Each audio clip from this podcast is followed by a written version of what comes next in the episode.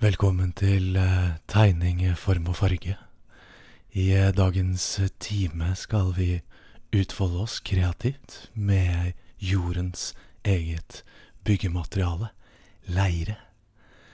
Ro dere helt ned, så enkelt er det ikke. Vi har eh, strenge formkrav for dagens oppgave. Resultatet skal være skummelt, morsomt og kunne spilles av på Windows 95. Vi skal til Neverhood, og du hører på CD Spill.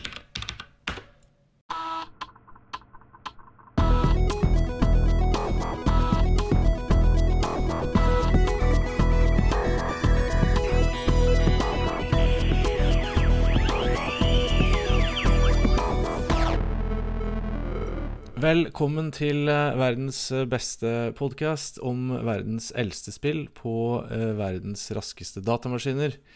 Jeg heter Sigve, og min gode kompanjong Mr. Mammen er vel fortsatt med meg, er du ikke det, Mr. Mammen? Du blir ikke kvitt meg så lett, selv om du prøver å ta, ta introen fra meg, men det gjør du en meget god rolle på, så det skal du få lov til å fortsette med. Ja, men Det er godt å høre. Det er som med de gamle datamaskinene og de gamle spillene. Vi blir, vi blir ikke kvitt dem, altså. De, de bare stick around. Eh, og det er jo fordi vi er glad i dem, da. Så eh, der fikk du den. Det var godt å høre. ja, i dag skal vi glede meg til eh, å gå i nytt, uh, nytt gammelt spill, holdt jeg på å si. Men uh, kjenner ikke du noen andre som også elsker dette spillet, Sigve? Jo, apropos å stick around. Uh, I dag så har vi med oss en gjest som jeg har gleda meg ganske lenge til å ha med. det her er en familievenn og en god venn av meg, og en fellow nerd eh, som heter eh, Eirik. som har introdusert for meg og mistet en del spill min vei gjennom oppveksten. som vi har snakka om på denne podkasten. Så Eirik, velkommen til podkasten vår. Tusen takk. det er en ja, en udelt ære å få være med. Jeg har lagt merke til at dere har ofte folk på besøk som har en podkast allerede, eller som er etablert innenfor spillverden. Eh, det er jo ikke jeg, så da må det jo være korrupsjon og nepotisme som er grensa Ja, det er, ikke, det er ikke så Det er jo egentlig en god beskrivelse, fordi uh, vi er jo uh, Ja, vil, altså vi er familievenner, faktisk. Familiene våre har vokst opp sammen. Uh, ja. Så der, kom, der, i, der, i, ligger nepotismen. og korrupsjonen er jo åpenbar. det er mange spilltitler som jeg har spilt hjemme hos meg selv. Mm. Eh, som på en eller annen måte har kommet sin vei fra deg. Um, så jeg vil jo si det at uh, den korrupsjonen og den nepotismen gjør jo egentlig at du, du, stiller egentlig sterkere som gjest enn alle disse fancy podcast-folka som vi har uh, innom. Uh, du jo, har jo bidratt til, til at det, i hvert fall jeg har en del å snakke om i, i podkasten vår. Så det, det bygger selvtillit. Og jeg tror dagens spill også er et spill eh, som jeg mistet din vei, og som jeg tror jeg aldri så igjen. Eh, det, så det, det passer seg. Det, det, siste der, det vet jeg jo vet jeg ingenting om. Men, eh, men, at det i hvert fall rant, rant, min vei, det husker jeg, husker jeg veldig godt. Uh, Mr. Mamen, hvilket spill er det Eirik snakker om her, som vi skal snakke om i dag? Nei, i dag eh, Ja, hva skal jeg finne på? Skal vi ta det vi ble enige om, eller skal jeg finne på noe helt annet? Nei, så, så, lenge det, så, lenge det, er gitt ut før år 2000, så er vel vi fornøyde alle sammen. Ja, den, da spinner jeg hjulet, holdt jeg på å si, så havner vi på The Neverhood. Det er jo et eh, hva blir det kalt? Claymation-spill fra, fra Dreamworks Interactive. Som er, eh, jeg tror jeg skjønner, Dreamworks og Microsoft som har slått seg sammen for å lage dataspill. Dreamworks er jo eh, kjent for animasjonfilmer, men det var faktisk ganske nytt på, da dette kom i 1996 til eh, Windows. Så ja, Neverhood. Jeg, jeg tror kanskje eh, jeg har oppfatta det sånn at eh, dette er et spill som Eirik først eh, fikk, fikk, tak i. Så havnet hos uh, Sigve. Uh, så har jeg en mistanke om at Sigve er sånn reborrower, så jeg lånte det av Sigve. så, så viser det at jeg egentlig har lånt det av uh, Eirik en gang i tiden. Så det er jo, er jo litt interessant. Så jeg får vel takke, jeg også, for denne korrupsjonsskandalen som jeg er i ferd med å brette over oss selv. Da fikk vi jo svar på hvor det spillet blei av, da. Ja, Erik. ja, da håper jeg du kan gå gjennom skuffene dine med mannen, og så kan du kanskje få det tilbake. Oi, oi, oi. Ja. Eh, det var vel en av grunnene til at jeg ble fullført det, for jeg følte at jeg måtte levere det tilbake. Eller hvis Sigve sa at nå må du komme og levere det tilbake innen tirsdag, for da kommer Eirik på besøk.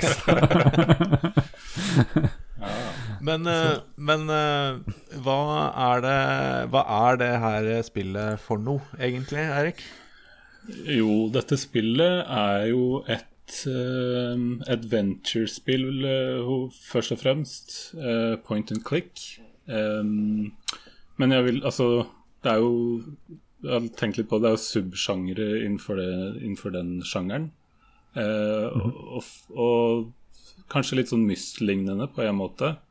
Eh, I den forstand at du, du går rundt eh, og skal løse puzzles som ikke er eh, sånn at du må kombinere en hel haug med items fra andre steder i spillet, men du møter på en måte puzzles som er relativt self-contained, da. Um, Så det er jo på en måte sjangeren, vil jeg si. Og my, my, en del sånn førstepersonskamera. Men også er det litt eh, Det er også mye av det andre. Så det er ikke helt en Myst-klone på den måten.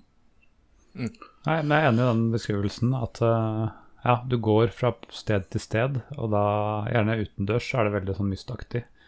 Eh, med litt animasjoner fra A til B. Så jeg syns det minner meg om ja, blanding av Myst og The Seventh Guest, som er litt av det samme uh, kameravinkelen. Men uh, så går du gjerne inn steder til points of interest, og da får du mer den klassiske fra siden-viewet. Er ikke det I hvert fall den delen jeg har eh, kan huske å ha spilt. Er det, er det, er det sånn det oppfører seg? Ja, jeg kjenner, kjenner veldig igjen det. Ehm, nå har vi jo, la oss kalle det en slags, eh, gjort en slags teaser på, på dagens episode. Men uh, det er jo et annet spill som jeg har uh, Eller i hvert fall en remake som jeg er forferdelig glad i, hvis noen ikke skulle ha fått med seg det fra forrige episode. Uh, som jeg bare lurte på om vi skulle bare titta innom på SoMe. Ja, vi har glemt, glemt oss litt i rekkefølgen. ja, vi må jeg- titte litt tilbake på, på Transport Acoon fra forrige, forrige episode. Det har vært eh, Jeg vil si sjokkerende lite engasjement. Det var en del engasjement i forkant eh, av Transport Tycoon-episoden. Eh, I etterkant så mistenker jeg at folk har gjort som meg. Det ble minnet på Transport Tycoon, og så lasta de ned OpenTTD, og så har de egentlig bare sittet og spilt OpenTTD etter det, uten å engasjere seg på sosiale medier.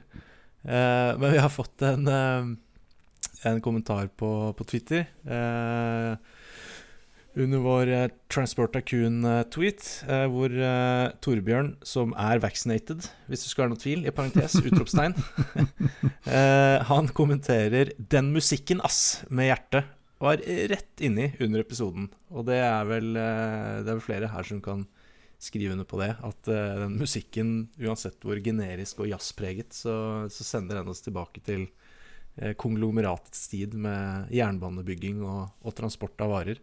Ja, og så har vi også eh, en eh, kjenning eh, som har kommentert på spillhistorie.no sin hjemmeside under artikkelen om Transport Tycoon podcast-episoden vår.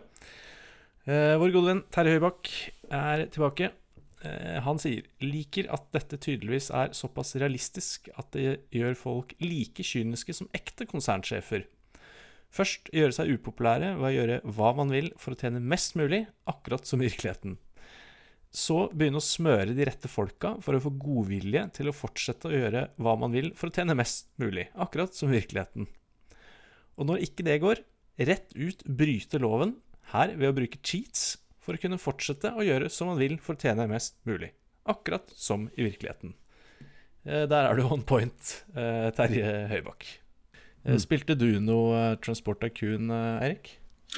Eh, jeg spilte det litt. Eh, jeg var jo litt sånn da jeg var litt mindre at eh, jeg ga fort opp spill som ikke hadde juksekode hvor jeg kunne få uendelig med penger.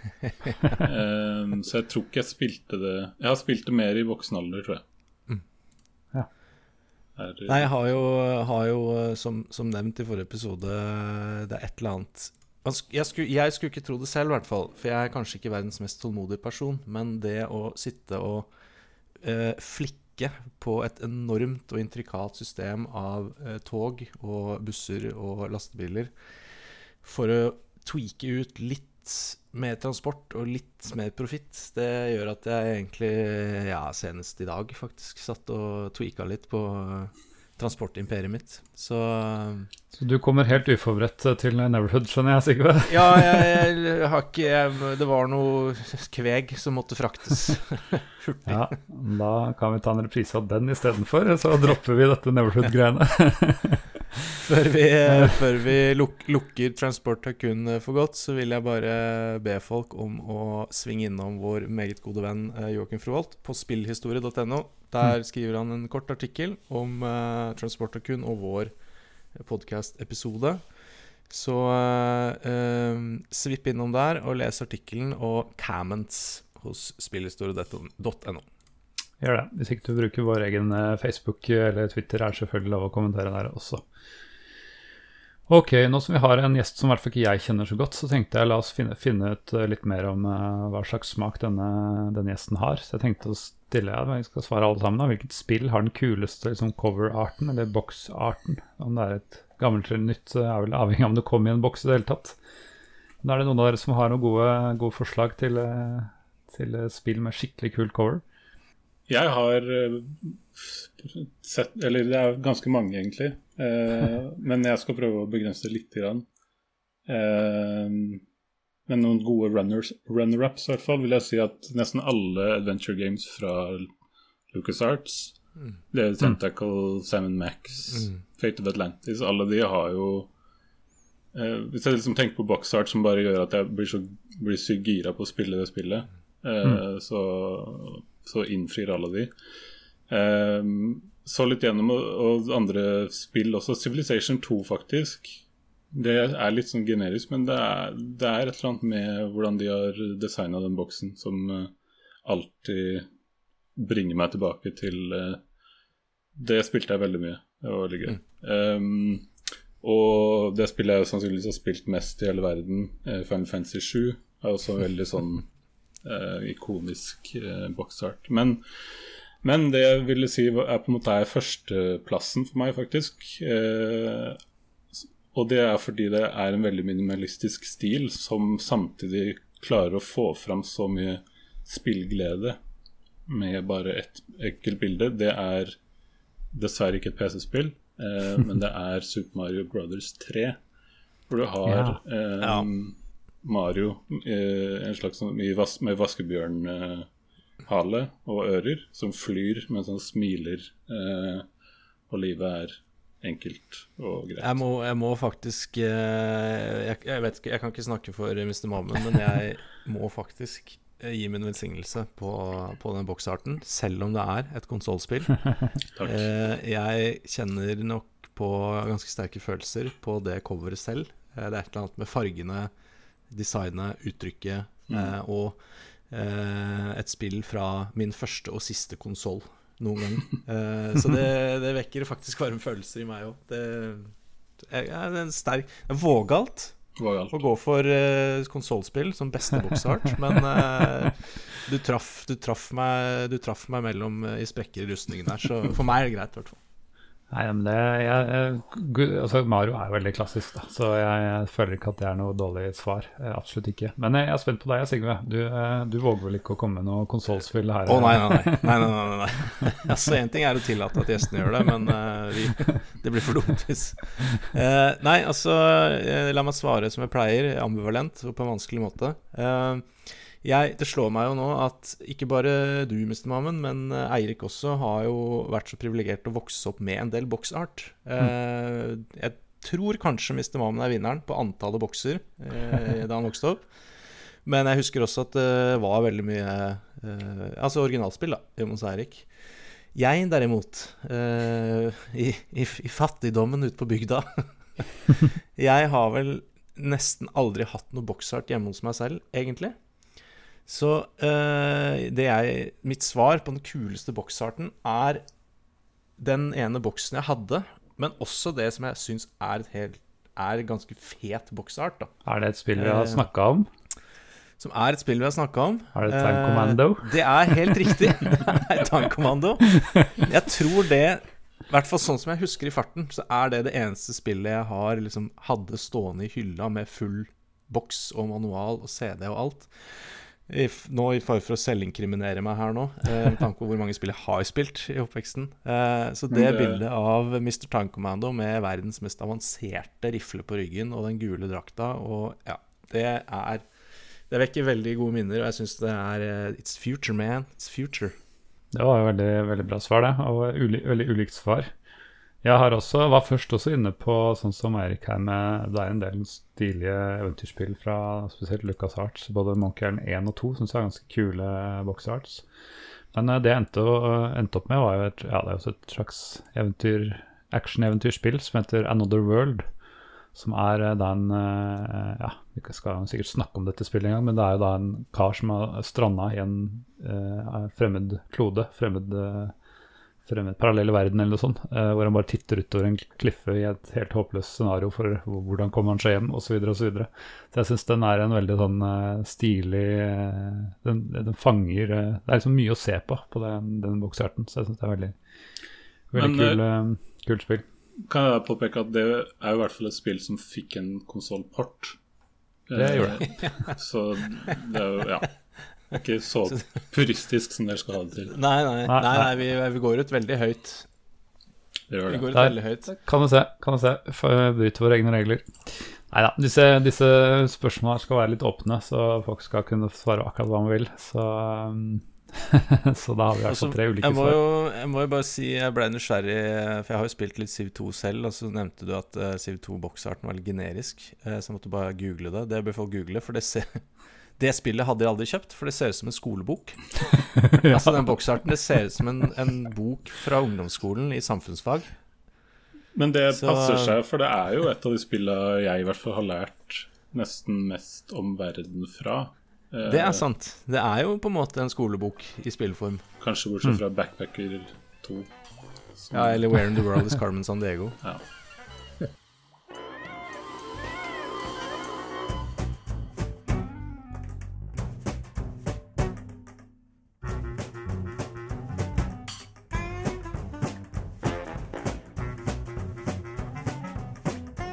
All right. Vi har allerede snakket om uh, dagens spill, Neverhood. Vi har allerede sagt at det kom ut i 1996, uh, eh, av, uh, publisert av Dreamworks Interactive. Og jeg tror faktisk de som har utvikla det, het The Neverhood Inc., ifølge Wikipedia, som er litt, litt merkelig. Det er ikke det første spillet deres engang, så litt usikker på om det er renama eller rebranda, eller om det faktisk ble oppretta for, for dette spillet. Det er vel ikke helt umulig? Nei, ja, Vi kan jo kanskje komme litt mer inn på det senere. Men uh, han Doug Tenapple som starta Neverhood Jeg tror han hadde en konsept i det for det spillet her uh, ganske mange år i forveien. Ja, riktig. Uh, men jeg vet ikke om han tenkte å kalle det Neverhood eller hva. Nei, Det kan jo være at han har eh, tenkt ut og hatt navn en stund, og så ble det både selskapsnavn og, og spillnavn. Mm. Men eh, ja, som du sier, han Tug Tenaple, eller Tenape, jeg er ikke helt sikker. Han ga jo ut uh, Earthward Gym uh, tidligere, som uh, var ganske stor suksess. det har jeg også snakka så vidt om tidligere. og Det er jo først og fremst et konsollspill, men som fikk en grei PC-port noen år etterpå. Jeg vet ikke, Det er jo kanskje noen likhetstrekk faktisk mellom uh, Earthworm Jim og The Neverhood, i form av at det er uh, ja, hva skal jeg si grafisk uttrykk og sånne type ting. Ja, det er i hvert fall det jeg eh, ser. Jeg har vel ikke spilt veldig mye Earthworm Jim, men jeg husker, husker jo, husker jo stilen. Mm. Det, er jo, det er jo noen slående grafiske likheter. Så om, er, om det er han som tegner, han Tenapple, eller om mm. han uh, velger de samme tegnerne. Uh, det er i hvert fall uh, grafiske, eller hva skal jeg si, det, det kunstneriske eh, slår meg som ganske likt og, og, inspirert. Ja, vi var jo litt inne på hvordan man manøvrerer rundt og hvordan man spiller det her. Eh, og jeg syns at det funker ganske greit med disse litt frittstående gåtene, som er eh, ikke sånn adventure puzzle, eh, prøve ditt og datt sammen og masse verb og sånn, men, men liksom, det er litt sånn Her løser vi løser vi For å åpne en dør, så må man løse en slags uh, gåte eller kode. Altså noen litt visuelle og noen lydgåter, og ganske variert mengde. Er det noen som har noen sånn veldig favorittgåter, eller noe man liker godt eller dårlig for den saks skyld, som har lyst til å trekke fram? Altså, det er jo en gåte tidlig i spillet som på en måte er Jeg vet ikke, er ikke, Den er ikke noe spesielt vanskelig, eller noe sånt, men det er noe veldig tilfredsstillende med, med, den. Og det er den der hvor du For å komme inn i et hus, eh, så er det en slags lydkode man må spille. Mm. Eh, hvor det er fem rør ved siden av hverandre som, som spiller hver sin lyd. Eh, og så skal du fylle opp de røra med tilsvarende eller riktig mengde vann, sånn at de lager den samme lyden. Og det er bare Det er veldig koselig, koselig åpningspuzzle, føler jeg, til, til, i spillet. Ja, jeg løste den her om dagen selv, siden jeg spilte, forberedte meg litt. Og det, det, var ikke Jeg vil ikke si det var kjempelett. Nå er ikke jeg veldig sånn skikkelig musikalsk av meg, men jeg måtte prøve en del ganger å, å huske hva, hvor mange dråper det var det dryppet ja. den tredje igjen. og det som er irriterende, er jo at det, du må den resetter hver gang. Ja. ja. ja. Så, men eh, det, det, var jo overkommelig, og det var heldigvis bare fem og ikke liksom ti sånne rør som skulle fylles opp. Så. Mm. Det er jo to ting jeg liksom husker eh, Eller to ting jeg merka meg med de gåtene. Eh, det ene ble jeg minnet litt på når jeg spilte litt opp igjen her om dagen. Og det er jo et prinsipp som, siden vi tydeligvis snakker litt om konsollspill i dag, som, som ble brukt i f.eks. Mario, altså Super Mario Brothers 1. Hvor du på en måte innledningsvis, første brett, første scene, så blir du introdusert for egentlig Kall det spillmekanikken for resten av spillet. Mm. I, I, Super Mario så er det jo å hoppe oppå noe så det dør, og hoppe under noe så det sprenger. Så. Men du, i Neverhood så våkner du i et rom. og uh, i det rommet så er det et vindu, og så er det en dør, og så er det en spak. Og du kommer deg ikke ut den døra. Uh, men du tenker jo at det må jo være noe med den spaken. Så du trykker på spaken, og da kommer det en enorm hammer og slår, eh, slår i den døra. Eh, men så åpner ikke den døra seg helt, eh, så du må trekke den spaken flere ganger, sånn at hammeren står flere ganger i døra. Så åpner, eller så slås døra vekk, sånn at du kan gå inn i neste rom. Uh, og det tenker jeg så sykt pedagogisk. Du, du, skjønner med en gang at ok, det er point and click. Uh, det er en eller annen form for gåteløsning. Eh, og hvis man ikke får det til, så må man kanskje prøve en gang til. eh, så jeg syns det er en sånn fin, sånn pedagogisk og fin åpning på, um, på spillet. Eh, og det andre som jeg husker med, fra da jeg spilte det selv, var jo, eh, som begge har vært litt innpå her, at det er ikke det er ikke sånn fly rundt i verden og plukke opp ting som du kanskje trenger på et tidspunkt. Uh, det er self-contained. altså Gåten er det mm. du ser foran deg. Uh, og igjen, jeg har ikke verdens største tålmodighet. Og jeg tror kanskje det traff meg litt, det passa meg litt.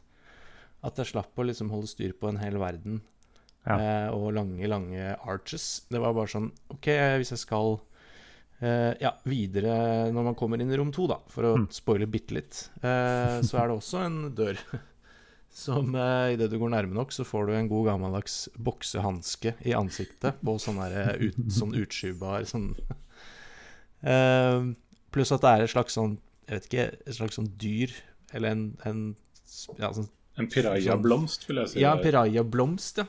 Som spiser alt som detter oppi den. Ikke som går inn i den fra siden, men som detter oppi den. Og så henger det også da fire sånne Uh, sånn trekksnorer i taket. Eh, så, og du trekker i snora og finner til slutt riktig snor, og da åpner døra seg. Men idet du slipper snora for å gå ned på bakken, så lukker døra seg igjen. Men vent litt, det er jo en pirajablomst her som du kan skyve. Og så skyver du den under riktig snor, henger i den og hiver den, og da klipper den eh, pirajablomsten tak i snora og holder den oppe for deg, og så kan du gå ut døra.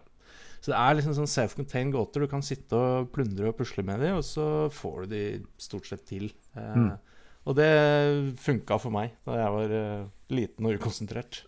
Problemet med mange eventyrspill er at du ikke vet hva, hva utfordringen er, hva puzzlen er. Du vet, du, du, vet liksom ikke, du vet, at du står fast, men vet ikke hvorfor. Men her er det mm. veldig framfor deg at det er dette du skal løse. Det er, uh, du skal komme ut av rommet. Og Det er egentlig ganske likt som Det er litt sånn full circle, føler jeg. For nå har det blitt så veldig populært med sånne escape rooms. Og jeg føler at dette Ja. er liksom Escape rooms er, er sånne type eventyrspill i fysisk verden. Og, Ja. Eh, og dette er jo da motsatt ende, er jo dataspillet som det stammer fra.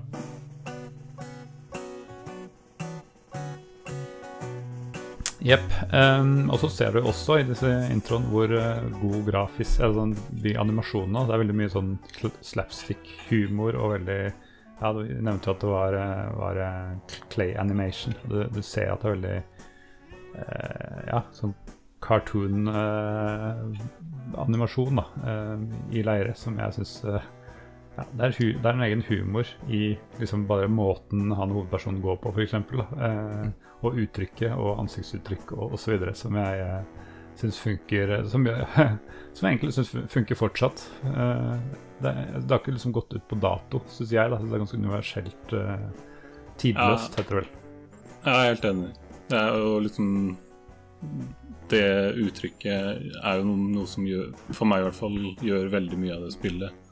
At, det er, at hele Ja, faktisk lagd et spill. Eh, jeg vet ikke om det er noen andre spill som har gjort det, eh, som har på en måte brukt claymation og, og lagd et helt spill eh, på den måten. Det er jo Og det, det skaper jo sikkert noen, noen muligheter for Men også en del begrensninger for de som har lagd det. Men det, de har Ja, de har klart det på en skikkelig kul måte, som, som liksom lager et spill som Som uh, har fått et helt unikt uttrykk. Da. Jeg tror at sånn stop motion, hvis det skal være litt generiske, eh, det er veldig sjelden du ser i, i spill. Mm. Eh, og det er klart Man animerer jo kanskje ting selv, men dette er jo faktisk fysiske modeller som er tatt bilde av og lagd sånn som man gjør eh, stop motion-animasjoner på film og sånne ting.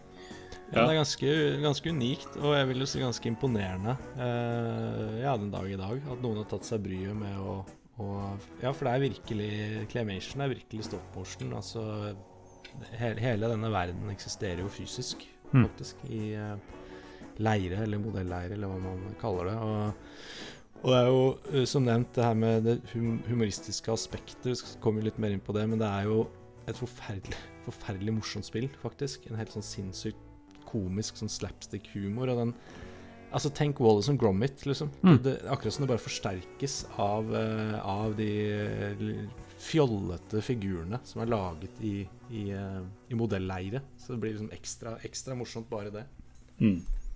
Jeg syns det er stilig hvordan ja, dette er litt etter eh, Windows 95 og, og liksom CD-rom har eh, for lengst liksom blitt uh, gjort sitt inntog, og man prøver noe nytt. da, sånn At man eksperimenterer med noe en Kanskje ikke sjanger i seg selv, men i hvert fall en uttrykk da, som ikke har blitt gjort før. Uh, det er veldig, veldig kult.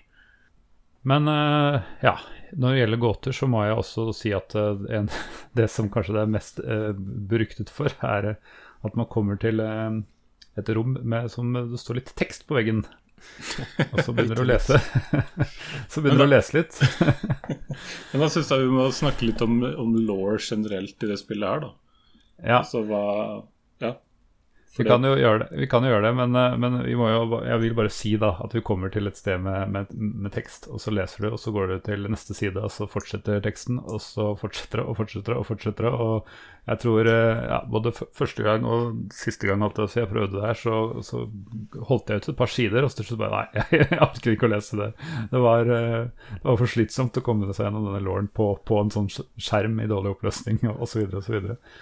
Men eh, Eirik, det høres ut som du vet, noe om dette, så, så dette vil jeg gjerne vite. Har du, hva, hva står på side tre og utover? Ja, altså for det første, det første å si om den, eh, altså den hallen der, eh, det er jo at du er nødt til å gå gjennom den for å runde spillet. Mm. Fordi en av de tingene du faktisk må samle i det spillet her, er noen sånne disketter som ligger kasta rundt. De, du trenger alle de for å fullføre spillet. Og så det her er på en måte kanskje første Eller et godt eksempel på et veldig trollete spill. At du er nødt For det er, det er jo 38 sånne skjermer eh, med tekst på veggen som du må gå gjennom eh, for å finne den disketten som ligger helt på slutten. Og så må du gå eh, helt tilbake igjen. Eh, og det tar jo ti minutter, eller et eller annet sånt. og det ja, for han går hører... ikke så fort. Han, Nei, og du hører jo den der trampinga hans hele veien. Dun, dun, dun, og du blir litt gæren av. Ja, For det er vel mer labbing enn going? Han labber ja. veldig, det vil jeg si. Eh, han vi spiller. Men ja.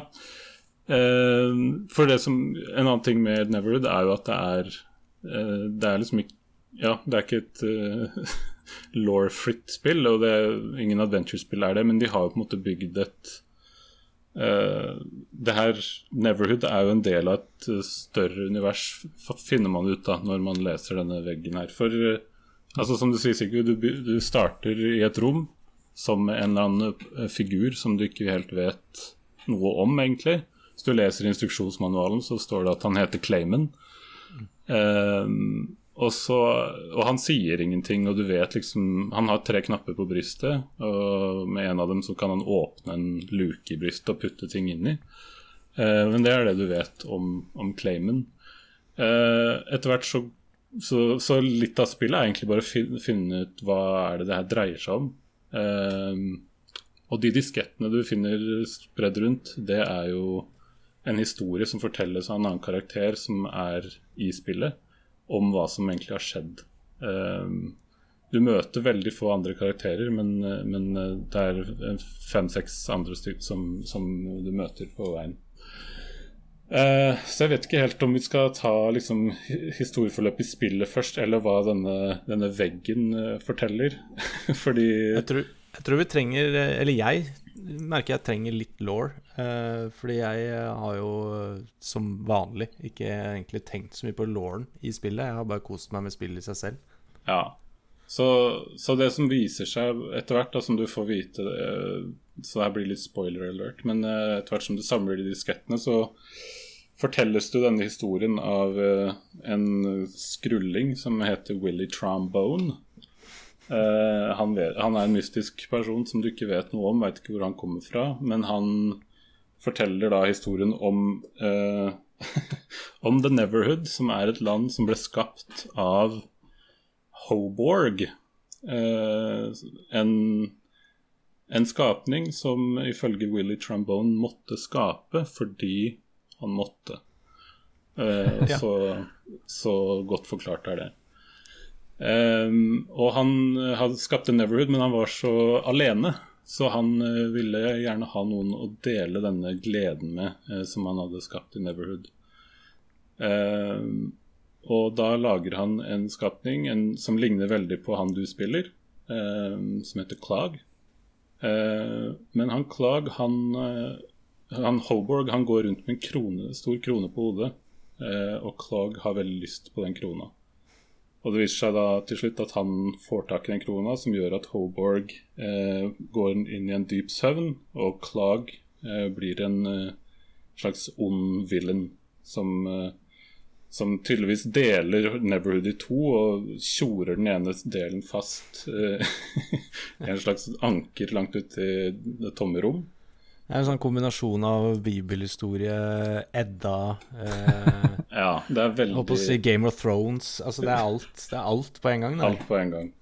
Så, så, det du skal gjøre Altså på en måte målet etter hvert viser seg jo at du må, du må konfrontere denne Clog. Eh, og, og da faktisk velge om du vil ta krona sjøl, eller gi den tilbake til Hoborg. Ja, så Det er uh, forskjellige paths eller endings i hvert fall i, i, spillet? Det er rett og slett det. Så det var jo noen andre spill som gjorde sånne ting. Men uh, det var ikke så mange som hadde sånn Men det, selvfølgelig, du kan save fem minutter før spillet er ferdig, uh, ja. og da har du, har du gjort det. Mm. Um, ja, så det er jo på en måte spillet i seg selv. Og, men, men, så det er det, så mye jeg har visst fram til for to uker siden om hele universet. Men da gikk jeg inn for å prøve å, å faktisk lese den teksta som står på, på veggen. Wow. Eh, ja, så det, det, tok noen timer. Men eh, For det er da 37 Ja, det er en god del, god del tekst. Eh, men det viser seg da at eh, at uh, Hoborg han er en av sønnene til Quater. Eh, som igjen er sønnen av Father, som er på en måte Gud. Um, og Quater er liksom den skapende, konkrete skikkelsen av Gud, tydeligvis. Mens han, has, han skaper syv sønner som hver får sin krone. Så alle de kan lage Har, har liksom lagd sitt eget univers, og Hoborg er en av dem. Og Willy Trombone, som er den som forteller det eventyret her, han er eh, sønnen av en annen av disse syv eh, brødrene, som heter eh, Otto Borg. Eh, og han eh, Men Otto Borg, når han skapte verden sin, så glemte han å lage gravitasjon. Så de Ja. delene av verden hans eh, som han lagde, de bare forsvant. Og en av dem eh, på en måte fløt inn i Neverhood, da. Så det er sånn Willy Trombone ender opp i The Neverhood. Eh, og også Robot Bill, som er en av de andre karakterene du møter. For han ble også lagd av Otto Borg. Det er Det forklarer jo ja, det forklarer jo hvorfor, eh, hvorfor eh, The Neverhood eh, flyter, da. For det er, jo, det er jo en greie. Når du går rundt i denne verden her, så er jo Altså, himmelen er svart. Ja. Og så er det svart På et tidspunkt så ser du i et hull eh, gjennom bakken, og da er det svart. Mm. Så dette, denne verden henger jo bare løst i intet. Så det Etter at noen har tatt støyten med å lese de 37 sidene, Ja. så, så vet vi litt mer om hvorfor denne verden svever. Men jeg kan eh, anbefale å lese, fordi du nevnte Bibelen og Edda osv. Og, og det er åpenbart, og det har de vel sagt eksplisitt òg, eh, i making of-dokumentarer, at det er mye av det her som er faktisk basert på Bibelen. Eh, historien om For de som er litt bevandret i, i Bibelens uh, tekster, så er det mange av historiene som er regelrett kopiert derfra. Josef, f.eks. Han uh, står det om Altså, han heter ikke Josef på, på disse, denne muren, men han heter Kli, som er Som i den verden betyr 'vær så snill å gi meg en til av denne her'. Ja. uh, for han faren er så fornøyd med ham, osv. Men eh, så det er De har skapt en veldig eh, omfattende på en måte Genesis-historie rundt Neverhood. Og det, det var veldig kult egentlig å oppdage det nå, ja, Mm. 25 år etter jeg spilte det første gang. Jeg skjønner jo det, at å fordype seg i noe man liker, det er alltid kult, det. Eh, men jeg syns bare f- måten det presenterte på, er for dårlig. Det hadde vært eh, morsommere med, Helt klart. med en fortelling, en animasjon, et eller annet. Helt klart. Ja, det er et godt, godt poeng at uh, det er jo egentlig Altså, den låren her er jo, er jo grisebra, liksom. Det er jo kjempe, kjempesolid fundament å bygge en story på. Men eh, ja, spillet er morsomt, men var det kanskje litt lettvint? At de bare slang det inn som en, uh, en trollejoke, liksom, underveis. Uh, Istedenfor å ta bruddstykker eller uh, Jeg vet ikke. For det, for det, det må jo sies at, at uh, det spillet her er jo hysterisk morsomt. Mm. Uh, og det var jo noe som eh, virkelig det var kanskje nesten mest det, egentlig. Og at jeg fikk til litt gåter og sånn. Men mest det at det er så mye slapstick-humor. Det er så mye god humor. Det er så, hele spillet er bare funny. Eh, og det er jo eh, en risikosport å prøve å gjengi morsomme ting, men liksom et øyeblikksbilde er at du går inn i et landskap, og så går du bort til et tre, som for øvrig ser ut som en kjempestor fluesopp, eh, og plukker ned en av de hvite prikkene, som er et slags eple. Eh, som egentlig ikke gjør noe for spillet Du kommer ikke noe videre i spillet, men du spiser eplet, og så svelger du, og så raper du litt, og så Men hvis du spiser jeg tror det er tre eller fire epler på rappen, bare fordi why not, da eh, begynner du å rape, og den rapen da, den slutter ikke, og den varer og den varer og den varer. Så er det sånn ha-ha, liksom en lang rap. Men kanskje det er subjektivt, kanskje det er bare jeg. Hvis man ikke gir seg, da blir ting morsomt. For den rapen slutter aldri. Den bare varer og varer og varer, og det kommer flere sånne gurglelyder og nesten sånne stem... Altså, det bare kommer så mye lyder inn i den rapen. Altså, at det var sånn der jeg, jeg så litt på en Let's Play tidligere i dag, så var det sånn jeg gikk på kjøkkenet og lagde meg liksom Lagde meg en kopp kaffe mens den rapen gikk. Og det syns jeg Da er vi liksom Det er bare et øyeblikksbilde da inn i den humoren som er tettpakka inn i alt som er i, av, av handling i det spillet her, da. Og for å gjøre det hele liksom enda mer bare interessant og, og intriguing, er jo at ja, det er humor, det er slapstick, men så har de på en måte greid å gjøre hele hele stemningen og omgivelsene og, og alt litt sånn jeg, Litt sånn skummelt. Litt sånn Mm. Det er stummende mørkt rundt denne verden. Du føler deg ganske ensom. Det er veldig sjelden det er noen andre karakterer der. Uh, verken protagonister eller antagonister. Så du, liksom, du går veldig mye rundt alene. I en litt sånn derre apokalyptisk Litt sånn jeg er Ikke skummel, men sånn ominous. Det liksom er noe på gang. Og Ja. samtidig så er det bare helt hysterisk morsomt hele tiden. Så det er en sånn kombo der som er veldig unik. Jeg tror noe av det som skaper den stemninga, er liksom når du går eh, Når du går ute i, For det er jo når du går ute i denne verden og ikke er inne i et rom hvor du gjør puzzles, f.eks. Eh, det er ofte da at du er i first person, og da er det heller ikke noe bakgrunnsmusikk. Da er det mer sånn Da er det, da er det sånn der eh, Noen lydeffekter. Eh, sånn, det høres, som kanskje høres ut som en slange som driver og Litt sånn Kryp. susing, ja. ja, og litt susing og litt sånn risling med en eller annen eh, Så det, er, ja, det, det tror jeg skaper mye av stemninga der. Eh, også apropos humoren i det spillet her. Det var, eh, for som du sa, Sigurd, vi har jo vokst opp litt sammen når det gjelder ja, mye. Eh, og familien deres var på en måte alltid litt mer Selv om vi hadde mye boxart, så var familien deres ofte mer dere var alltid mer avansert enn vår eh, på, på mange ting. Liksom, dere hadde keyboard, og det var ikke bare vanlig keyboard man, med piano. Liksom. Det var sånn midi-opptaker som du kunne på en måte komponere på. Og når dere kjøpte videokamera, så var det liksom ikke bare ja, vi skal ta videokamera og filme. Dere kjøpte også en sånn maskin som dere kunne på en måte legge til effekter på videoene deres osv. Kun det beste. Kun det beste. Så vi hadde jo begge fedre som var opptatt av teknikk, men dere var alltid på en måte hakket foran. Og det jeg skulle si var at det gjaldt humor òg, fordi det var uh, Neverhood er et sånt godt eksempel på det hvor, eh, hvor jeg bare skjønte at dere har en mer avansert humor enn meg. For at jeg også syns de det med treet hvor han rapa, det var kjempemorsomt. Men det, var, men det er et rom man kommer inn i i Neverhood.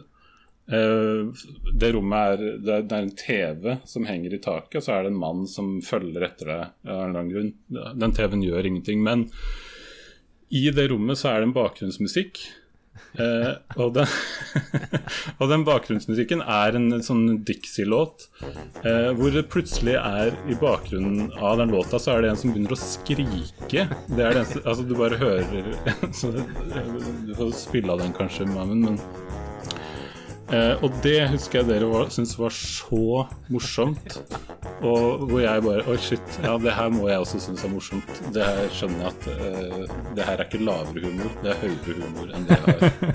Nei, den, den låta, det er bare Jeg husker ikke nødvendigvis akkurat hvordan den går. Vi, vi legger den på i post, men, eh, men jeg husker ja, Det er som du sier, det er en sånn trivelig, trivelig, behagelig liksom jazzlåt, og så bare vokalen. Ja, det er en fyr som bare skriker. litt sånn, ikke sånn enerverende at Nei, au, den det er litt sånn i bakgrunnen. Det er litt sånn i bakgrunnen. Han bare skriker og skriker og skriker. Og det er altså Nei, jeg går ikke an å forklare det. Det, det, det Lytterne får bare Ja, det, det, deles vel i to. Noen skjønner ikke, og noen, noen syns det er helt hysterisk. Du går ikke an å være likegyldig. Enten så forstår du det ikke, eller så Nei, og det er nok et godt eksempel på at det er ikke, det er ikke bare et morsomt spill, for det er det jo mange morsomme spill der ute. Men her har de, eh, i hvert fall etter min mening, truffet så utrolig på, på humoren. Eh, ja. Og det bringer jo også musikken på banen, men jeg vet ikke om vi skal ha en mm. offentlig overgang. Jo, nei, jeg syns vi kan hoppe rett inn i musikk, for det er for øvrig komponert av Terry Scott Taylor. Eh, men han eh, det, det jeg legger merke til, er at det er veldig mye sånn eh, Ja, det er mye Jeg Var ikke en som het trombone, du sier? Det er mye sånn horn og sånn blåseinstrumenter i musikken. Eh, og så er det mye sånn Hva heter det sånn sang uten ord? Sånn, er det uh, Scat. scat-musikk det heter? Uh, ja, i hvert fall sånn habla hubba-dubba-doo og habla hubba-doo.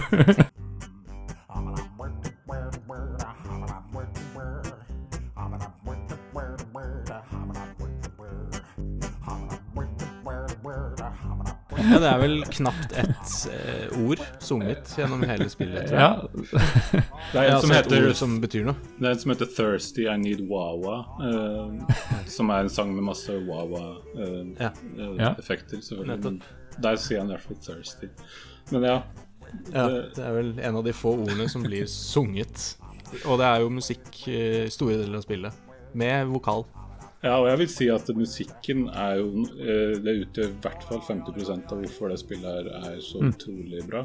Jeg er helt enig. Eh, det er, ja, det er bluegrass, uh, Dixie, kletsmer, sånn jødisk folkemusikk iblant. Altså det er Han Terry Taylor han tror jeg er veldig Jeg har tatt på seg de kreative buksene når han Ja. eh, lagde musikken her.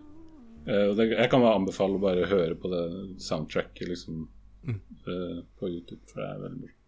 Det er jo litt som, eh, litt som eh, vi toucha innom på, på Transport Akun, uten sammenligning for øvrig. For jeg har lyst til å Eller jeg, altså denne musikken er av adskillig høyere kvalitet. Men poenget nå, som også vi toucha innom under Transport Akun, var jo at det er ikke, det er ikke kall spillmusikk.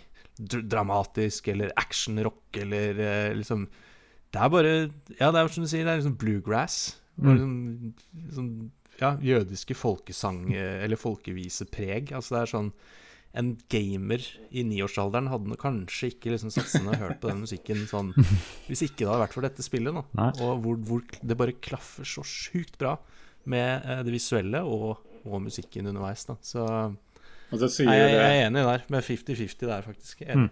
Det sier han Doug, Ten, Tenapple angående altså det du sier om Han sa at eh, på den tida hvor det ble lagd, så så gikk de fleste spillutviklere på en måte i retningen av tekno og rock. på en måte liksom, ja, Apropos Red Alert, da. Mm. Eller Command and Conquer. Uh, så de ville på en måte bare ta en 180 og gå helt i motsatt retning. Så de, det, det var noe av grunnen, naturligvis. Men han Terry Taylor, han er, ja, han er også en, eh, en artist som har spilt i et kristen band som heter Dan Daniel Amos, eller noe sånt. Så han er, Ah, ja. er visst ganske kjent. Ja, jeg, jeg skulle til å si at jeg kjenner ikke så veldig godt til den. Men det er kanskje bare fordi han ikke har laget så mye soundtracks fra spill. Og jeg er så geek at jeg stort sett eh, kjenner til folk som har laget soundtracks fra spill, og ikke så mange Ja, andre. du må utvide til kristne band, eh, Mestermannen, så, Ja. så havner den på radaren din. Ja, jeg skjønner.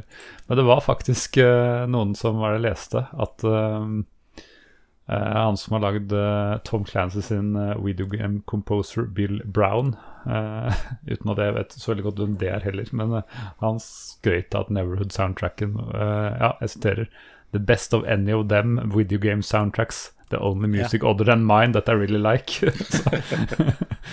Ja, morsomt sagt. Ja, jeg hadde absolutt uh, valgt dette som beste soundtrack i et spill noensinne, hvis jeg måtte velge. Nei, det er i hvert fall Jeg liker at noen prøver å lage noe helt nytt. Og eh, det fins mye bra spill-soundtracks, vil jeg absolutt påstå. Men eh, Mm. det er deilig med noen som går i litt nye retninger og prøver, seg på noe man ikke, ikke har hørt, eh, som ikke er så generisk, i hvert fall. Så får vi jo være, får vi være diplomatiske eh, og runde i kantene. Kan det være at eh, vi liker musikken så godt fordi vi har eh, spilt spillet? Mm. Jeg mener selvfølgelig, uh, helt unbiased, at det er underholdende og kul musikk, uavhengig. Men hjelper du kanskje litt Jeg tror, selv om du ikke har vokst opp med spillet, hvis du liker point and click og skal inn og prøve dette spillet, så kommer du til å like komboen uansett. Ja. Det er jeg ganske sikker på. For det, er, det er knallbra musikk, og den er knallmorsom og passer veldig bra til spillet. Nostalgi eller ikke.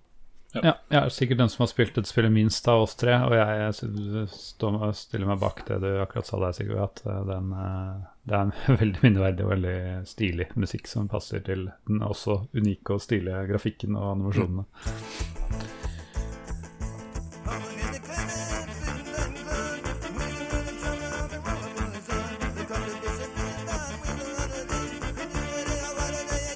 Ja, eh, hvis vi skulle kjøre opp dette, Sigve, da pleier du å finne ut av hvordan maskinen man må gå til innkjøp av. Eh, dette kommer Ja. ikke til FM Towns, dessverre, så vi må vel Nei, jeg har i hvert fall ikke funnet en versjon, så, så derfor lytterne som har FM Towns, komme med forslag til hvordan man kan cracke det. Eh, dette er jo et veldig moderne spill eh, som krever sin maskin. Eh, du må ha en Pentium-prosessor, eh, og du må ha oppgradert til Windows 95 eh, med 8 megabyte ram. Eh, og så må du faktisk eh, Her er vi virkelig i fremtiden. For du må ha DirectX 3 Wow. eh, for, å få kjørt, eh, for å få kjørt det spillet her. Eh, og så er det jo en CD-rom med eh, minimum, antar jeg, fire ganger lesehastighet. Eh, og du må ha en hel megabyte med videoram. Eh, og så må du ha en mus, da. Det må du ha for å få spilt det. Det er jo tross alt point and click. Så det krever sin maskin, det her. Det gjør det.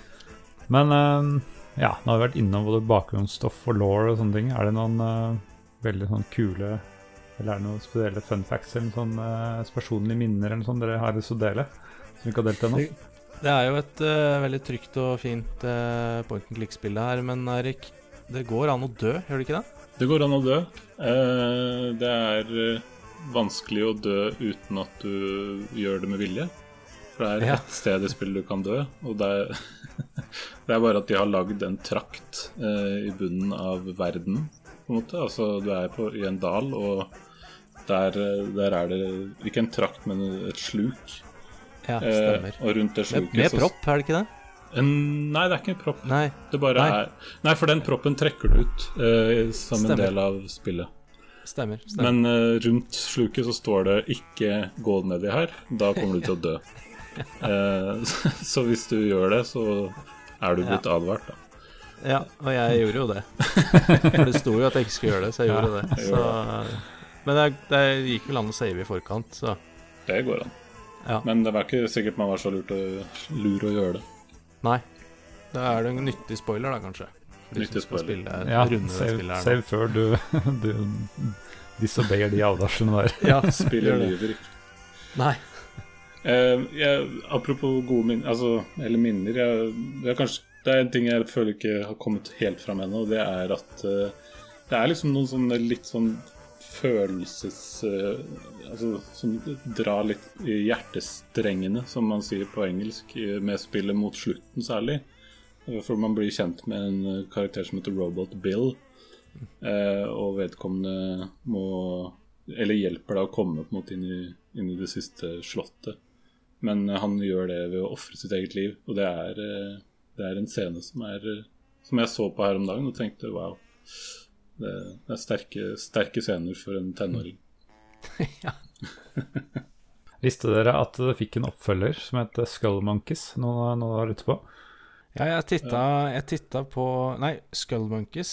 Jeg titta på den eh, krok... Krakk Ja, Army Krog, vi kan snakke om den etterpå. Men Skull Ja, ja. Kom på, på 90-tallet. Ja, jeg har faktisk en venn som spilte Skull Monkeys. Eh, Ja. som jeg, jeg hadde aldri hørt om det før, han, før jeg møtte ham. Men eh, jeg, Og hvis Ja, mm, jeg vet det nå. At det var en oppfølger, men jeg spilte det aldri. Nei, og det, jeg har heller ikke spilt det, men det er vel litt merkelig, fordi eh, Neverwood var eksklusiv PC-spill, PC tror jeg, eh, mens, eh, mens Skull Monkeys, og oppfølgeren, var eksklusiv PlayStation-spill. og det tror jeg utelukket Og det var en helt annen sjanger, det var en sånn plattformsjanger, så ligna kanskje mer på Earthworm Jim igjen, jeg vet ikke. Jeg har ikke jeg titta i ti sekunder på YouTube og, bare for å se animasjonen og sånt, men eh, ja, jeg føler ikke at det er, eh, blir riktig å nevne Eller det blir riktig å nevne det, men jeg tror ikke vi skal gå noe inn på det. Nei, Jeg tror det eneste som er felles, er at, det, at han Clayman er med, og Mm. Klag, altså protago og antagonistene. ja. Eh, men det befinner seg i en av disse andre verdenene som er beskrevet i The Hall of Records. Oh ja, så hvis du leser den, så kan du fordype deg i Da vet du at uh, Skullmonkeys verden er skapt av arven, den syvende broren. Som ble skapt av Quater. Jeg veit i hvert fall hvem jeg skal få bakgrunnslåren min hvis jeg skal spille det spillet. For, så jeg vet hva jeg går, går ut på, Erik. det er veldig Ja. nyttig.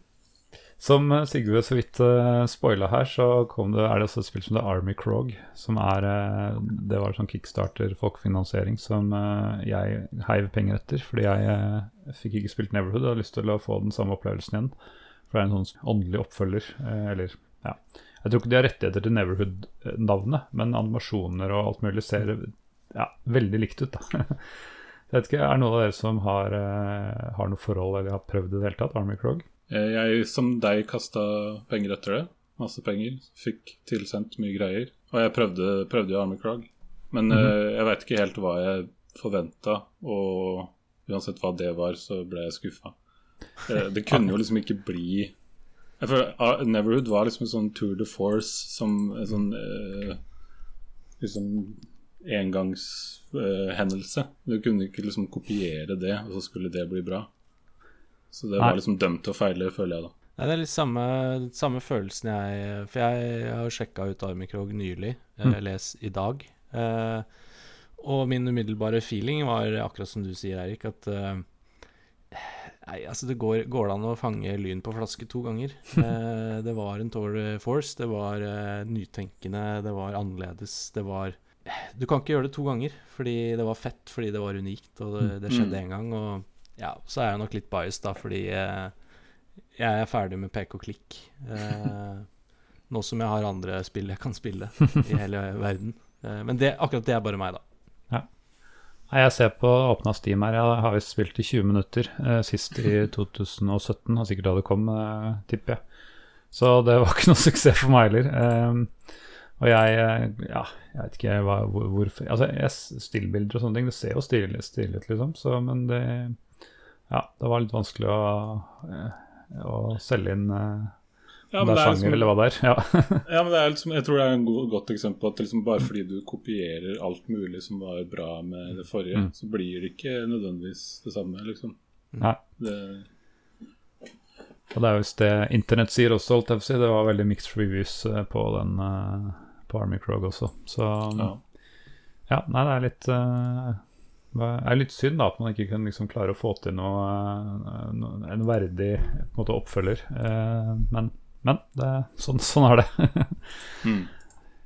Han Doug Tenapple, eh, det er jo ja. liksom litt å si om han, for han er, han er jo en litt sånn kontroversiell figur. Men jeg vet ikke om det er så veldig jo. Om det ødelegger for folk, eller hva. Nei, for han er jo få høre. Jeg har også hørt at den er litt eh, kontroversiell type. Eh, og det er jo ikke alltid at eh, art og artist stemmer helt overens. Nei, ikke sant. Um, han er, men han er åpenbart et kreativt geni. Og, mm. men han, og det var han som starta den Army Crog-campaignen også. Og det er jo han som tegner og designer alle disse tingene.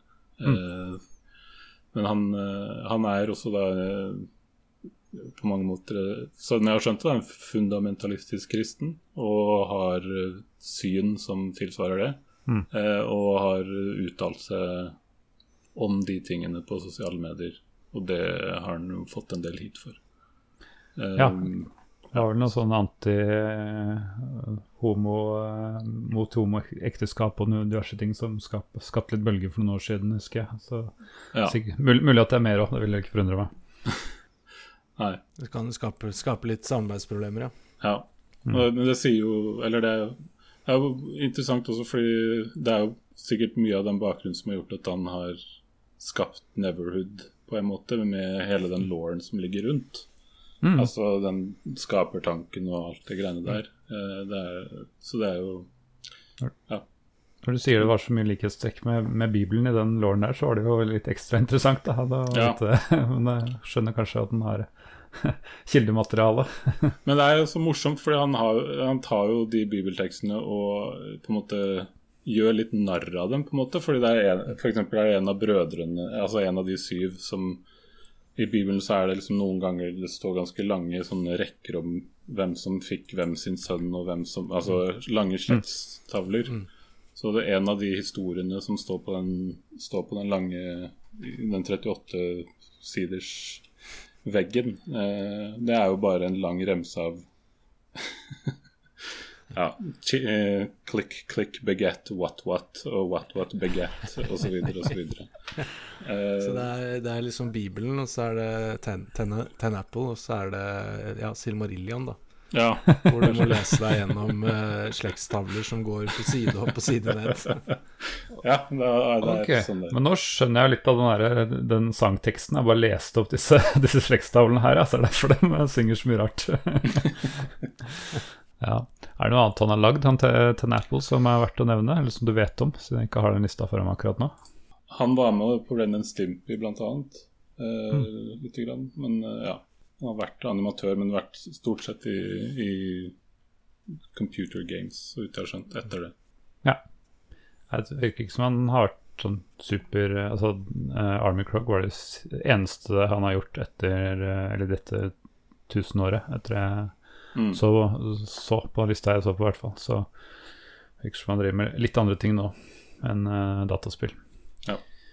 Men jeg, jeg tror han driver med noe comic box, eller i hvert fall har gjort både uh, og film og TV og diverse. Så han er vel et sånn multigeni. Multi ja, og det er en sånn 'Making of Neverhood' som ligger ute på YouTube. Sånn, jeg har to deler som hver er sånn ti minutter. De kan jeg anbefale å se, for det er ganske funny dokumentar egentlig om det. Virker som de hadde det ganske gøy med å lage Neverhood. Ja, bra. Da lenker jeg til dem i shownotes. Bare å se på episodebeskrivelsen her. Eller gå inn på spillhistorie.no, så kan det hende at uh, jeg fordrer alltid Joakim til å lenke til dem, han også. Hvis han husker det. Men ok, vi spurte på Twitter og Facebook. Det var ikke så fryktelig mange, tror jeg, som, uh, som kjenner til uh, Neverhood. Det er vel kanskje litt litt, litt, ukjent perle, kan man kanskje kalle det. Um, har det kommet noe som helst, Sigurd? Det har uh, kommet uh, en uh, tweet. for det er jo som du sier, det er nok en litt ukjent perle, dette her. det så jo dessverre Dreamworks på salgstallene. på Twitter, på CD-spill sin Twitter, så kommenterer vår etter hvert gode venn Terje Høybakk. Mm. spilte ikke Neverhood før lenge etter det kom. Spilte faktisk Skull Monkeys på PlayStation 1 først. Kanskje like greit. Kunne like det for hva det var, i stedet for å hate det for hva det ikke var. Ja. uh, Neverhood var òg godsaker, så klart, og Terry Scott Taylor fortjener all heder for lydsporet. Så der er det jo åpenbart uh, Vi er jo enige der, da, uh, Terje. Det er ikke noe tvil om. Veldig bra. og så har vi fått en, en DM fra Retrogamer 85 eh, som sier eh, Musikken er kanskje noe av det mest karakteristiske ved Neverhood. En unik røre av humor, musikksjangrene klesmer, blues og tekster i anførselstegn, som strengt tatt bare er sløv nynning, en dose uartikulert vrøvl toppet med hosting og noen onomatopoetikon, som er det kanskje begrepet vi lette etter i stad, med ord som ikke er ord, som egentlig bare er eh, ja, lydord er vel kanskje den enkleste uh, forklaringen. Uh, og han har også lagt med en uh, YouTube-link til litt soundtrack. hvor han sier låta 'Cough Drops' er et prakteksempel, så vi kan jo smelle den inn i shownotes også. For det soundtracket er uansett noe, noe folk bør høre på. Mm. Fra uh, Retrogamer 85. Kult. Ja um vi pleier, Før vi spør om det har holdt seg, så er det liksom alltid en anbefaling om det fins noe, noe, moderne i dag som eh, minner om det samme. da, Og Army Krog er vel kanskje det nærmeste jeg kommer på i sånn, i hvert fall visuell stil. Er det noen andre som vet om noen noe som kan være i samme baner, eller som, uh, som hvis du likte Neverwood, liker du dette type spill? Er det noen som kommer på noe sånt? På en, om det er det visuelle, eller om det er spillbarheten, eller hva, hva det er. Det spiller ikke så mye rolle, men er det noen som eh, Jeg klarer ikke å komme på noe, må jeg bare innrømme. Det har vokst litt fra, tydeligvis. Eller mm. blitt egentlig ikke vokst fra, fordi det er jo en fin sjanger. Men eh, jeg er ikke tålmodig nok til pek og klikk lenger. Så, så jeg, har, jeg, har, ikke noe å by på i min spillverden der. Det er jo spill som på en måte har overlapp, sånn som Seventh Guest og Myst. Mm. Og, men også Day of the Tentacle har jo litt sånn humordelen av det. Men det, det, er liksom ingen som har den Ja. Øh, den kombinasjonen, vil jeg si. Det er et truly once in a lifetime game, holdt jeg på å si. Veldig en, mm. enestående spill. Først og fremst vil jeg si at hvis man skal spille det i dag, så er det støtte av Scum VM. Vi har jo hatt en Scum VM-utvikler på podkasten tidligere, til og med. Um, og der har man options i, eh, på Hvis man går inn i ja, options på spillet, så kan man krysse av for å hoppe over denne wall of text, sånn at du går fra første til siste side for å plukke opp denne disketten eller hva det er, og tilbake. ja. Der går man glipp av mye bra lår. Ja, det, det, er juks. Det, det, er verre enn uendelig med penger på Civilization. Ja. ja, så det er bare til skrekk og advarsel. Det må du ikke finne på å gjøre, for da ødelegger det hele spillopplevelsen for deg selv og all den gode låren. Men uh, hvis du skal um, Jeg bare nevner det hvis noen er interessert. Nei, men det gjør en veldig god jobb skal med å, å liksom en, altså, ha originalspill, men, uh, men, kanskje finne noen uh, optimaliseringspunkter her og der. uh, men har det holdt seg? Det er jo det store spørsmålet. jeg vet ikke, Siden jeg har spilt det minst, så kanskje jeg skal begynne å svare på spørsmålet i dag. for jeg fyra det opp i SKMVM her i forrige uke, og jeg ja, Altså, jeg vet at jeg har spilt litt, men det, det har jeg så lite minner om at jeg bare, jeg bare så vidt er klar over det. Men jeg syns det funka veldig overraskende bra. Jeg har vært litt inne på det at eh, både humoren og det grafiske uttrykket, og ikke minst at puzzle var veldig sånn rett for, foran deg, du visste liksom hva du skulle, gjør at jeg syns eh, det holder seg ganske bra er litt sånn spesielt de der førstepersonsgreiene. Det er ganske rough, de der animasjonene. Eh, som, altså, du ser at det er dårlig oppløsning, ja, først og fremst. Um, som alle spill fra den tiden ofte er. Og det er noen ganger at du trykker på en knapp, og så lager du en lyd, så aner du ikke hva som har skjedd, og så trykker du en gang til, og så har du kanskje skrudd av noe du egentlig skulle skrudd på. Det er litt sånne puzzles innimellom som som kunne vært bedre. Men uh, i store og hele så har jeg lyst til å si at ja, uh, det har overraskende holdt seg godt. Og jeg vil anbefale dette over Army Krog til tross for både bedre oppløsning og, og, og, diverse. Så fra mitt Uten noe som helst nostalgi, så vil jeg faktisk si ja. Så kan jeg bare tippe at dere med nostalgi har lignende svar, men det skal jeg overlate til, De til dere. Jeg kan jo Jeg skal være rask og tosidig, som vi pleier.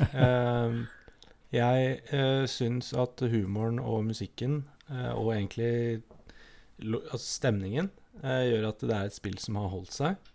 men det forutsetter at du har tålmodigheten til å spille et pek og klikk-spill i 2021. Mm. Ja, og jeg, jeg, vil vel, jeg vil vel si at hvis ikke du har spilt det, så unner du deg selv Nei, du bør du unne deg selv å mm. ta og spille, prøve å spille gjennom. For det mm det er en unik opplevelse. Og, mm. og, fordelen med å ha det grafiske uttrykket de har, det er jo nettopp at eh, det er ikke så lett at det går ut på dato, selv om selvfølgelig eh, oppløsning kan, kan, bli dårligere osv. Men, eh, men leire går jo på en måte ikke ut på. Eller det tenkte man i hvert fall på 80- og 90-tallet. Og jeg kan jo bare, under, bare melde meg på med Mr. Mahmoud der. Jeg har også prøvd det i Scum VM her for noen dager siden. Det var uh, feilfri start på første forsøk, og uh, det, leire ser bra ut, selv om oppløsningen er ikke all verdens, men det, det, det ser bra ut. Mm. En fun fact til som jeg kommer på nå mens jeg sitter her og snakker med dere, er at på veggen min uh, så har jeg et bilde malt av en viss skater fra 2000-tallet som noen av oss kjenner. som nettopp er da et motiv fra Neverwood. Det Kult. gjør seg overraskende bra på en måte som, som kunst. da hvor, hvor langt og bredt er det? si? Hvor høyt og bredt er det? Det er vel 60 cm bredt og så kanskje en meter høyt. Så det er ikke en liten poster det er snakk om? Wow. Det er det ikke. Det er et enormt maleri. det er et maleri. Ha, kult. Nei, men da har det holdt seg, og arten har holdt seg. yes. Um, ja, neste gang, om to uker, så tar vi et nytt spill, og da hopper vi inn i plattformspillsjangeren. Hopper inn, rett og slett. Uh, Jill of the Jungle. Uh, det er jo et Epic Megagames-spill. Uh, veldig Veldig merkelig tittel. Det kan, kan, det jo ikke være dårlig. Nei, det, nei, nei. Det, det, er noe med det. Megagames. Så ja, det er bare å glede seg. Jeg må si tusen hjertelig takk for eh, Eirik som kunne øse av sin kunnskap og law i dette. Så det veldig, veldig hyggelig å ha deg med. Kjempegøy å få være med. Da sier vi bare ha det bra. Ha det bra.